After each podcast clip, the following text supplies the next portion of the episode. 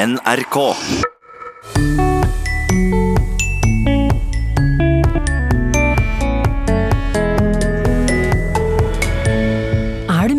Å si når menneskespråket var ferdig utvikla? Altså på det nivået talespråket er i dag? Ja, kort og konsist er det så att eh, språken var utviklet i prinsipp redan for 300 000 år siden. Svenske genforskere har gitt oss ny, sensasjonell kunnskap om språk. Og norsk-amerikanere helt opp til i dag snakker godt norsk, sjøl om de aldri har vært i Norge. Bruker du lutfisk ute i Norge nå? Du kan ikke ete lutfisk med brød. Du må ha lefse. Hvorfor har språket overlevd så godt? Vel møtt til Språkteigen. Vi skal starte med et stort spørsmål i Språkteigen i dag. Hvordan ble språkene til? I dag vet forskere at alle verdens språk stammer fra ett og samme sted, nemlig Sør-Afrika. Men hvordan skjedde det? Professor i afrikanske språk Tore Jansson, som er tilknyttet Institutt for språkvitenskap ved Stockholms universitet, har nettopp gitt ut ei bok med tittelen Hvordan ble språkene til? Men er det i det hele tatt mulig å svare på det spørsmålet, Tore? Eh, Ja, eh, svara kan man ju alltid, men om det ligger någon ordentlig grund bakom de där svaren, det är mera tveksamt. Vi vet egentligen bara det att eh, eh, vi talar och våra närmaste släktingar som är schimpanserna, de talar inte. Eh, och och, och eh, vi hade gemensamma förfäder med dem för sex miljoner år sedan sägs det. Ja. Så det betyder att någon gång under de där sex miljonerna år så började det, men mycket mer kan man inte säga. Men vi vet altså at det hele startet i Sør-Afrika. Genetikere har påvist at menneskeheten består av to grener. Befolkningen i Sør-Afrika, som kalles sandfolk på ene sida, og alle oss andre på andre sida. Vi er utvandrere fra Sør-Afrika. Og sandfolk, dem har noe vi andre ikke har. Hørte du det klikket? En helt spesiell klikklyd. Den skal du få høre mer om, men vi fortsetter først med de store spørsmåla. For vi vet altså at menneskespråket stammer fra Sør-Afrika. Vi kan bare gjette på hvordan det oppsto. Men kan vi heller si noe om når vi fikk vår avanserte talespråkevne slik som den er fortsatt i dag? Ja, det kan man faktisk si betydelig mer om Og det er eh, saker som har kommet fram ganske nyligen. Går det an å si det kort og konsist? Ja, kort og konsist er det så at numera måste man nog tro at eh, språken var utvecklade i princip, alltså hela grundplanen för hur man talar och, och, och bär sig åt. Det, det, eh, den, det fungerade som det gör nu redan för 300 000 år sedan. 300 000 år Ja. siden. Hvordan kan du tidfeste det så nøye? Ja, det behövs lite, lite prat om det. Ja. Det är ju så att eh, vi, har inga, vi har inga inspelningar eh, som är äldre än 100 år, så det vet man ju ingenting om. Eh, men sen finns det det här med skrift och det är ju viktigt och skrift det är ett sätt att eh, använda språk, men det kommer från det talade, det kan man ju inse. Eh, Och skrift har ju funnits rätt länge, men inte mer än 5000 år ungefär. Så det är det, det enda man riktigt säkert kan säga att eh, för 5000 år måste folk tala, för då började de skriva ner det. Eh, Men det måste ha varit mycket tidigare. Eh, Och där har man famlat och undrat länge, länge om när det kan ha varit och tänkt på olika saker. Som att, eh, ja, när började folk göra konstverk? Det är ganska länge sedan, men eh, det finns ju grottmålningar för 30-40 000 år sedan. Ja. Och då har man tänkt sig att, ja, men kunde de tala då? Ja, det är inte så lätt att säga faktiskt. Og Och man har tänkt på, på när hjärnorna blev tillräckligt stora och det var ganska länge sedan. Och man har tänkt på uh, när eh, folk började göra stenverktyg, det var også rätt lenge siden. Men, men det, det gir ingenting, eller veldig lite det der. Ja. Eh, så det som egentlig har, har vært avgjørende, det er det at eh, eh, nu har man börjat undersøke ju eh, gener, ikke bare på levende mennesker, utan på mennesker som levde för länge sedan. Så DNA-forskning. DNA-forskningen har varit avgörande faktiskt, eller är avgörande, för det händer saker fortfarande. Och det som den visar, det är flera saker. En första etapp, det var det att eh, man misstänkte av andra skäl att människor fanns nog först i Afrika och utvandrade från Afrika för ganska länge sedan. Och det har också DNA-forskningen bekräftat att det måste ha varit så att, att eh, ända till för 70 000 år sedan ungefär så fanns det bara människor i Afrika. Men sen vandrade, eh, eh, vandrade det ut folk till olika delar av världen. Eh, långt, långt bort. Och eh, om de nu vandrade hela den där vägen och till slut kom ända bort till eh, Sibirien och över till Amerika och så, kan det inte gärna ha varit så att språket kom springande efter dem liksom. Och, utan de måste nästan ha, ha, ha, eh, ha talat allihopa när de gick ut. Och där fick man ju ett datum och det betyder att för 70 000 år sedan när den stora utvandringen kom från Afrika, då måste det funnits tal. Men da er vi bare på 70 000 år tilbake. och sen först för några år sedan så kom man fram till något helt annat. För det gällde nämligen befolkningarna inne i Afrika. Eh, människor har bara funnits där då tidigare. Eh, och man har trott att de, eh, vår art, liksom den som kallas Homo sapiens, den har funnits kanske ett par hundratusen år. Men för bara tre, fyra år sedan, ja 2017, så kom det några mycket viktiga resultat. Och det, kort sagt så var det så här att de hittade spår av människor i Marocko, nordligaste Afrika, och i eh, Sydafrika. Eh, och I båda fallen så var de bortåt 300 000 år gamla. Och eh, det visade sig att generna var olika så att eh, eh, det måste ha levat människor isolerade från varandra i varsin ända av Afrika i 300 000 år. De fikk ikke kontakt med hverandre før for et par tusen år siden. Og det var altså ei forskergruppe fra Uppsala universitet som gjorde den sensasjonelle oppdagelsen som du mener gjør at vi må endre vår oppfatning av framvekst av språk og språkevner. Ja. Dem hadde forsket på DNA-et fra en 2000 år gammel hodeskalle Ja, funnet i Sør-Afrika, som tilhørte en ung gutt. Men hvordan kan den DNA-forskninga gjøre deg så sikker på at allerede for 300 000 år siden så var taleevnen vår utvikla slik vi kjenner den i dag? DNA sier ingenting i seg om språket overhodet, utan det sier bare det at den der pojken, han har ikke haft eh, noen forfedre som levde eh, norr om Sydafrika eh, på 300 000 år. Det vill säga, det har varit en total skillnad mellan två, eh, två grupper av människor. Det har funnits två sorters människor i världen.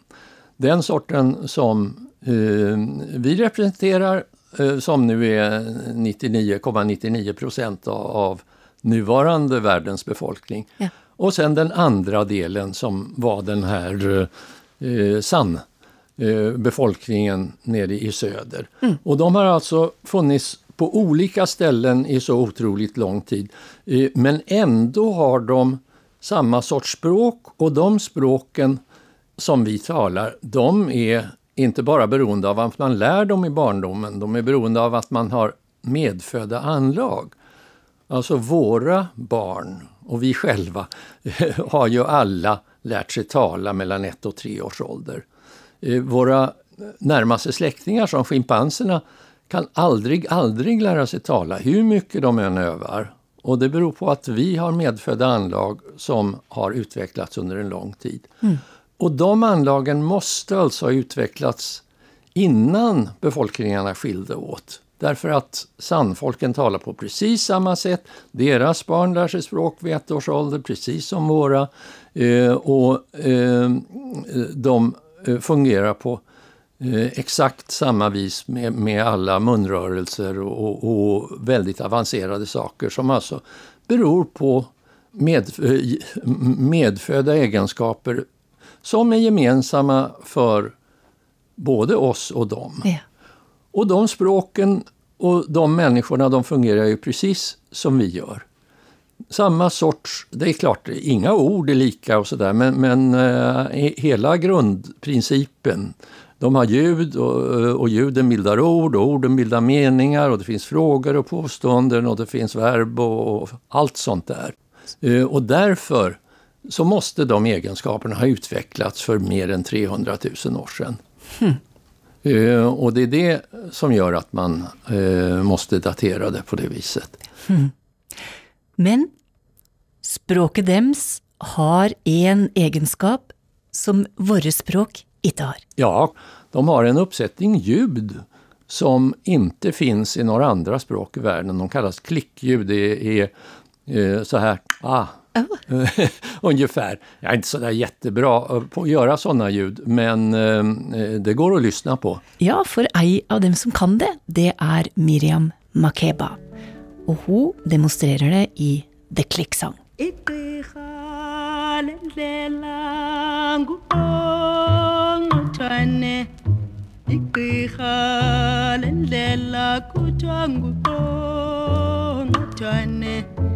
Igqirha lendlela haya nguqongqothane igqirha lendlela kuthiwa nguqongqothane Hva er det med den klikkelyden vi hører her, Tore? Uh, ja, den er jo som en konsonant som PTK og sånt där. Uh, den, den, bildes på et annet sett. Man, uh, man drar in luft faktisk i eh, munnen i stedet for at det kommer ut ur munnen just når man gjør klicken. Man gjør liksom et lite vakuum inne og så blir det en klikk. Og och, och, det der är, det är väldigt lätt om man lär sig det som barn vid ett års ålder men, men om man ska lära sig som vuxen är det svårt. Jag har försökt men ja, det går sådär halvbra då. men men det, det, finns alltså detta en, denna enda skillnad mellan Khoisan-språken som de heter och alla andra språk i världen.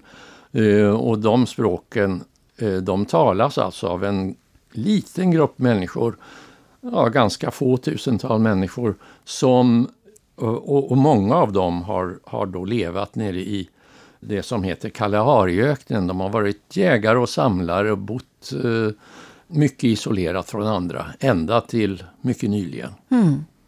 Men tillbaka till den förhållsvis nya forskningen från Uppsala. Du mener den rett og slett er revolusjonerende forskning? Ja, det kan det nok bli. Ja, det er forskning som går veldig fort framåt og der genetikerne og och DNA-forskerne er de som leder, for det er de som kommer med nye resultat.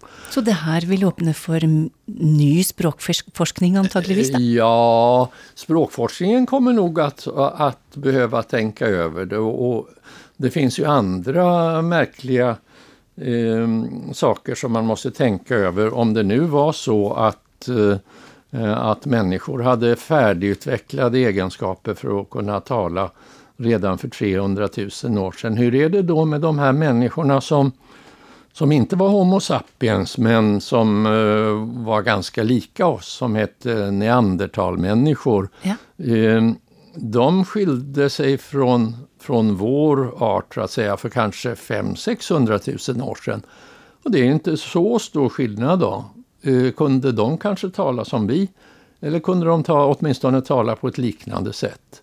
Det verkar nu ganske ganska troligt. Hmm. Eller mycket troligt till och med. Så her er det mye å ta tak i? Absolut. Eh, det, det er et område der det finns väldigt, väldigt mycket att göra. Fast eh, ännu så länge är det lite osäkert vad det är man ska göra och hur. Men det kommer nog klarna efterhand.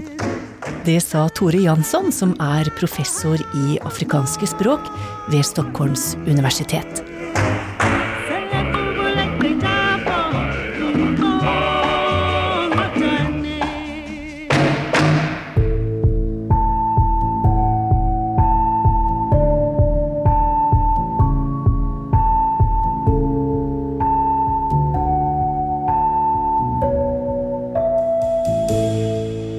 Over 150 år siden starta den store utvandrerbølgen fra Norge til Amerika. Dem som reiste, møtte ikke bare et nytt samfunn, som de skrev hemmat om. Vi haver nu 14 børn, alle fødte amerikanere, som med tiden kan blive senatorer, ja presidenter. De her er intet umulig. Dem møtte òg et nytt språk, og det kunne være hardt for mange. Men alt det nye til tross, norsk språk og norske dialekter ble holdt godt i hevd av etterkommere dems, helt opp til våre dager. Og fortsatt er det norskamerikanere som kan norsk, sjøl om de aldri har vært i Norge. Ja, det er det. Og mange av de som kan norsk, kan det veldig godt, da. Sier Janne Bondi Johannessen, professor i lingvistikk på Senter for flerspråklighet ved Universitetet i Oslo.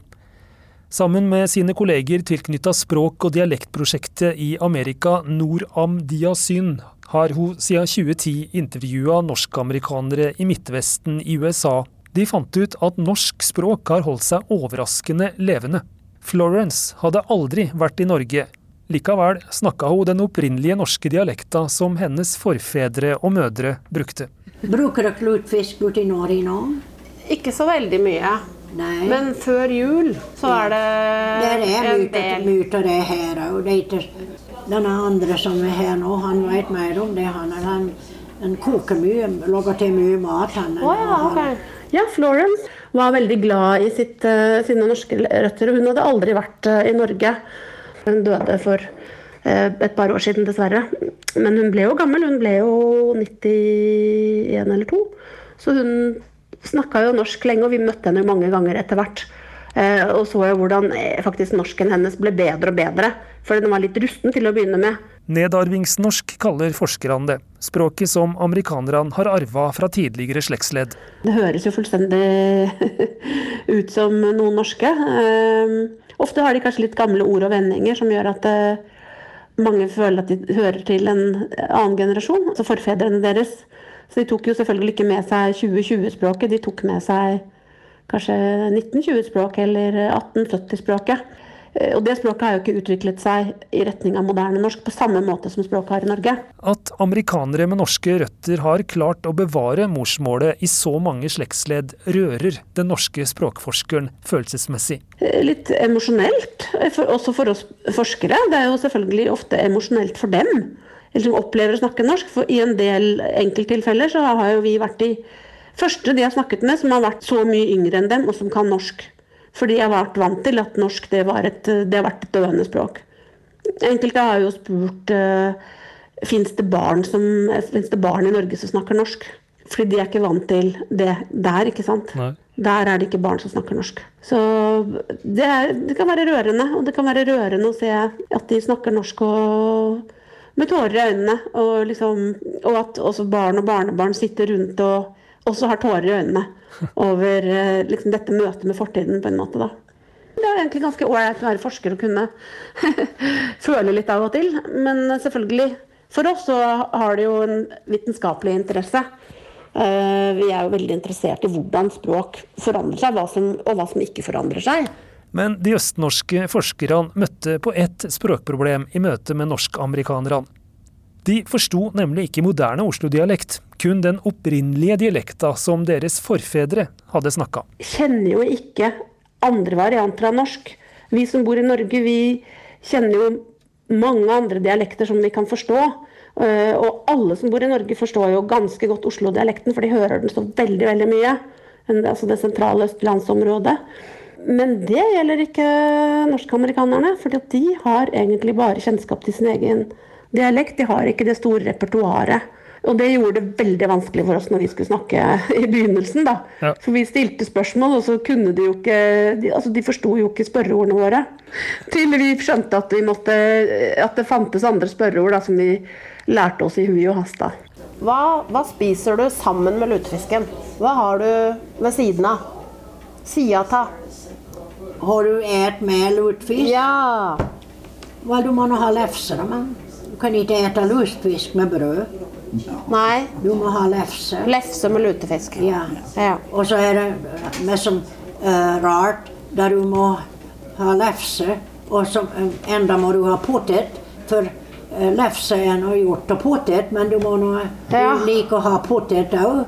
Det er de norskamerikanerne som har bodd på små steder i USA som har klart mest å holde på norske dialekter. Absolutt. Altså det, det er helt riktig, fordi at uh, utdannelse, det gjelder jo sånn sett i Norge også, at utdannelse og flytting, det har jo en uh, veldig stor effekt på, på språket.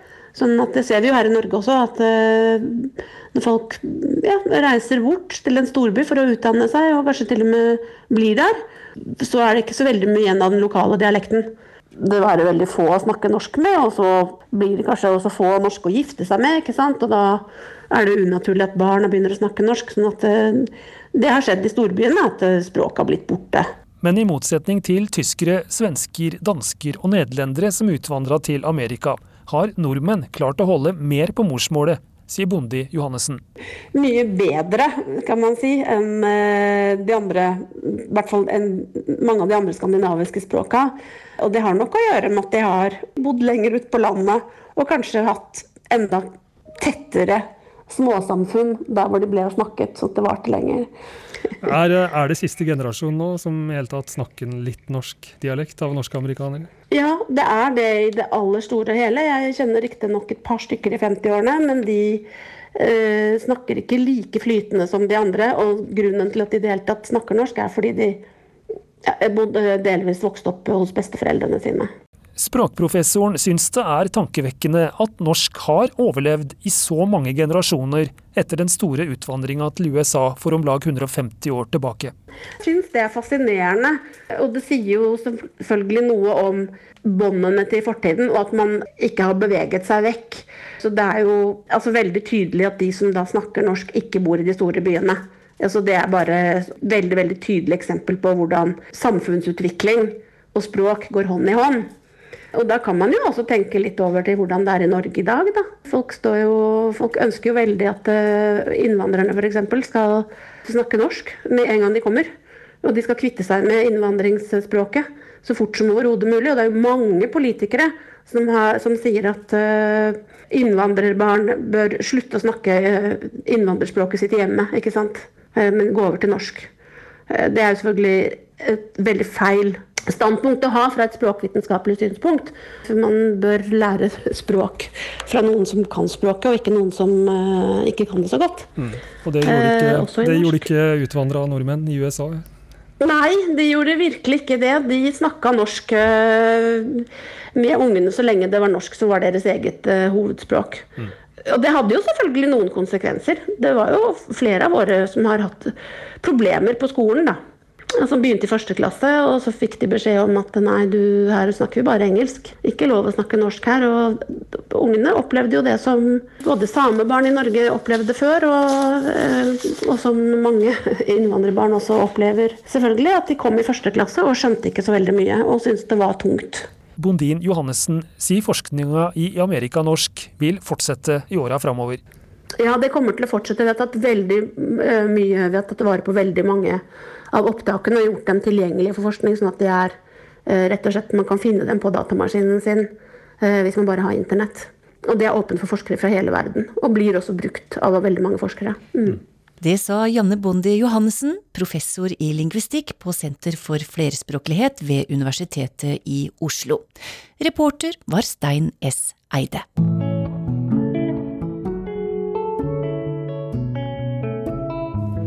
Hvor kjem ordene fra, undrer kollega Stein S. Eide seg over, og han har oppsøkt hjelp hos språkprofessor og forfatter Helene Uri. Det første ordet han lurer på i dag, er Sisyfos-arbeid. Sisyfos-arbeid, det betyr slitsomt og endeløst eh, arbeid. Og dette uttrykket stammer fra gresk mytologi. For da er det jo stakkars eh, Sisyfos som da med stor møye ruller en stein opp på et fjell, og så opplever han gang på gang at steinen triller ned igjen, og så er det bare å ta fatt på nytt. Det er Sisyfos-arbeid. Endeløst, fåfengt arbeid. Men nå til noen uttrykk som du sikkert har hørt og brukt, men som du kanskje ikke er skråsikker på opprinnelsen til. Så det var aldri aktuelt å sette bjelle på katten? Nei, det var ikke det. Den var kastrert, så vi fjerna dem isteden. NRK Østfold snakka om det konkrete å henge bjella på katten for å varsle småfuglene. bjelle på katten, ja! Å henge bjella på katten, det betyr jo å peke ut noen som ansvarlig for eh, et eller annet. Eh, og uttrykket stammer fra en fabula Esop. Musene kom på den veldig veldig gode ideen at de skulle utstyre katten med en bjelle, for da ville de jo høre når katten kom. Men det er klart det var et lite problem for musen, for hvem i all verden skulle henge bjella på katten. Så til et annet uttrykk som vi bruker rett som det er. Vi har kommet fram til spalten til Espen Stensrud. De som fortjener å få sitt pass eh, påskrevet. Å få sitt pass påskrevet. Hvor kommer det uttrykket fra? Å få sitt pass påskrevet, det betyr at man blir eh, kritisert ganske kraftig også. Og pass her, det betyr uh, attest, og det kommer av uh, hvis en håndverksmester f.eks. var misfornøyd med sin svenn, så kunne han omtale hans feil og svake sider i løpepasset, altså dvs. Si den attesten som svennen fikk da når han sluttet. Eh, ifølge Ivar Trytti språkets ville vekster. Gamle norske uttrykk er ikke bare bare for sjøl andregenerasjons nordmenn. Her fra P3-programmet Andregenerasjon. Og det er klart for enda et norsk uttrykk, mutta. Er du klar? Ja. Du skal ikke rette baker for smed. Hæ? Er du sikker på at du leser riktig nå? Ja. Rette og rette baker for smed. Ok, Gullsmed og baker det er to helt forskjellige jobber. Du skal ikke blande dem. Du skal ikke rette baker for smed. Du skal ikke ah. Jeg er inne på noe! Å rette baker for smed, det betyr jo at man kritiserer eller straffer eh, en som er uskyldig, i stedet for den som egentlig har gjort det. Og uttrykket, som mange kjenner, kommer fra Johan Herman Wessels dikt 'Smeden og bakeren'. Og da er det jo sånn at smeden begår et eh, drap, men så har jo denne byen bare én smed. Men to bakere. Og da er det jo veldig praktisk å ta livet av den ene bakeren, da. Som de ikke har så bruk for som de har for smeden. Jeg tok oss inn i regjering. Og nå tar jeg Fremskrittspartiet ut av regjering. Jeg har jeg ment alvor med at det skal være gøy, sa Siv Jensen da Frp trakk seg ut av regjeringssamarbeidet i januar i år. Men hvor stammer ordet gøy fra? Gøy er et eh, ord vi bruker ganske ofte. Vi har fått det fra engelsk 'to Guy, som betyr gjøre narr av. Og det er ifølge Jan Duca han som har skrevet Norsk etymologisk ordbok, avledet av fornavnet til Guy Fawkes. Og Guy Fawkes var jo en fyr som levde på 1500-tallet og litt utover på 1600-tallet, og som ledet den såkalte kruttsammensvergelsen som mange har hørt om. Da var jo meningen at hele det britiske parlamentet skulle sprenges i luften, men så ble det oppdaget i tide. Det sa forfatter, språkforsker og professor Helene Uri. Og med det er Språkteigen ved veis ende. Har du spørsmål om ord eller språk, send dem til teigen krøllalfa nrk.no. Vi høres om ei uke. Ha det bra.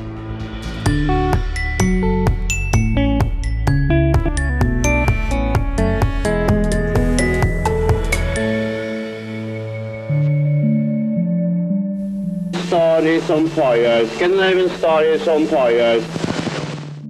Hei, jeg heter Kjetil Saugestad. Da danskebåten Scandinavian Star brant i 1990, så var jeg vernepliktig i marinen. Nyheten var liksom ikke til å forstå at katastrofen kosta 159 mennesker livet. Noen har tent på ferga, men fremdeles er det ingen som vet hvem. Over. Nå har jeg laga fortellingen om mordbrannen på Scandinavian Star i podkasten Hele historien.